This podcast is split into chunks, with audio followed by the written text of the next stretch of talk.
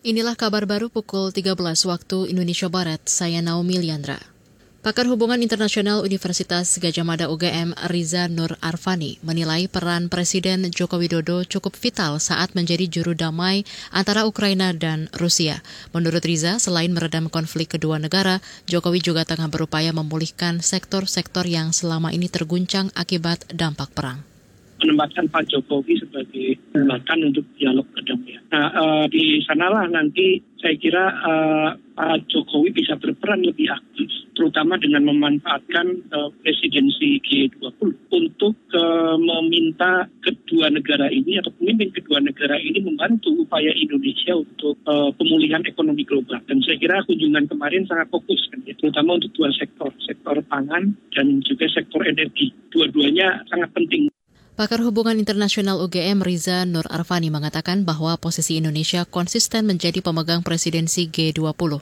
Menurutnya, Presiden Jokowi secara perlahan berpotensi menjadi juru runding kedua negara setelah pertemuan dengan kedua pemimpin negara tersebut dilakukan. Sebelumnya, usai bertemu Presiden Rusia Vladimir Putin, Presiden Jokowi mengatakan telah menyampaikan pesan Presiden Zelensky. Jokowi juga menegaskan kesiapan untuk menjadi jembatan komunikasi antara kedua pemimpin tersebut. Saudara, Kabupaten Rembang menempati ranking pertama penyakit mulut dan kuku PMK di Jawa Tengah. Namun saat ini baru menerima 3.000 dosis vaksin. Selengkapnya bersama reporter radio jaringan Musyafa dari Radio R2B Rembang.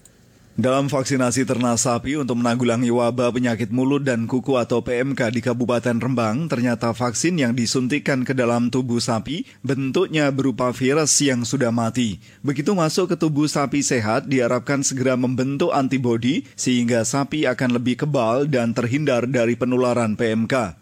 Kepala Dinas Pertanian dan Pangan Kabupaten Rembang, Agus Iwan Haswanto menyampaikan masalah tersebut untuk menjawab pertanyaan masyarakat tentang jenis suntikan vaksin PMK. Menyuntikkan eh, virus yang sudah mati ke dalam tubuh ternak yang sehat agar memberikan informasi secepat mungkin untuk bisa membentuk antibodi sehingga ternak menjadi lebih kebal. Agus Iwan Haswanto, Kepala Dinas Pertanian dan Pangan. Kabupaten Rembang sempat menempati urutan pertama serangan PMK tertinggi di Jawa Tengah dengan total kasus sebanyak 4.500 ekor lebih. Pada tahap pertama, Kabupaten Rembang memperoleh 3.000 dosis vaksin. Apabila serapannya bagus, boleh mengajukan kembali sampai 5.000 dosis. Musyafa, R2B Rembang melaporkan untuk KBR. Beralih ke berita luar negeri. Dana Moneter Internasional atau IMF menghentikan pembicaraan dengan Sri Lanka sementara waktu usai gagal mencapai kesepakatan terkait paket bailout bagi negara yang hampir bangkrut itu. Dilansir dari Reuters, kendati menghentikan pembicaraan, IMF akan melanjutkannya kembali hingga mencapai kesepakatan dalam waktu dekat. Sebelumnya Sri Lanka tengah menghadapi krisis ekonomi setelah gagal membayar utang dana bantuan selama pandemi COVID-19. Saat ini Sri Lanka tidak memiliki cadangan BBM cukup dan bahan pokok untuk beberapa bulan ke depan. Masyarakat bahkan diwajibkan bekerja dari rumah termasuk kegiatan pendidikan yang terganggu. Demikian kabar baru KBR, saya Naomi Liandra undur diri.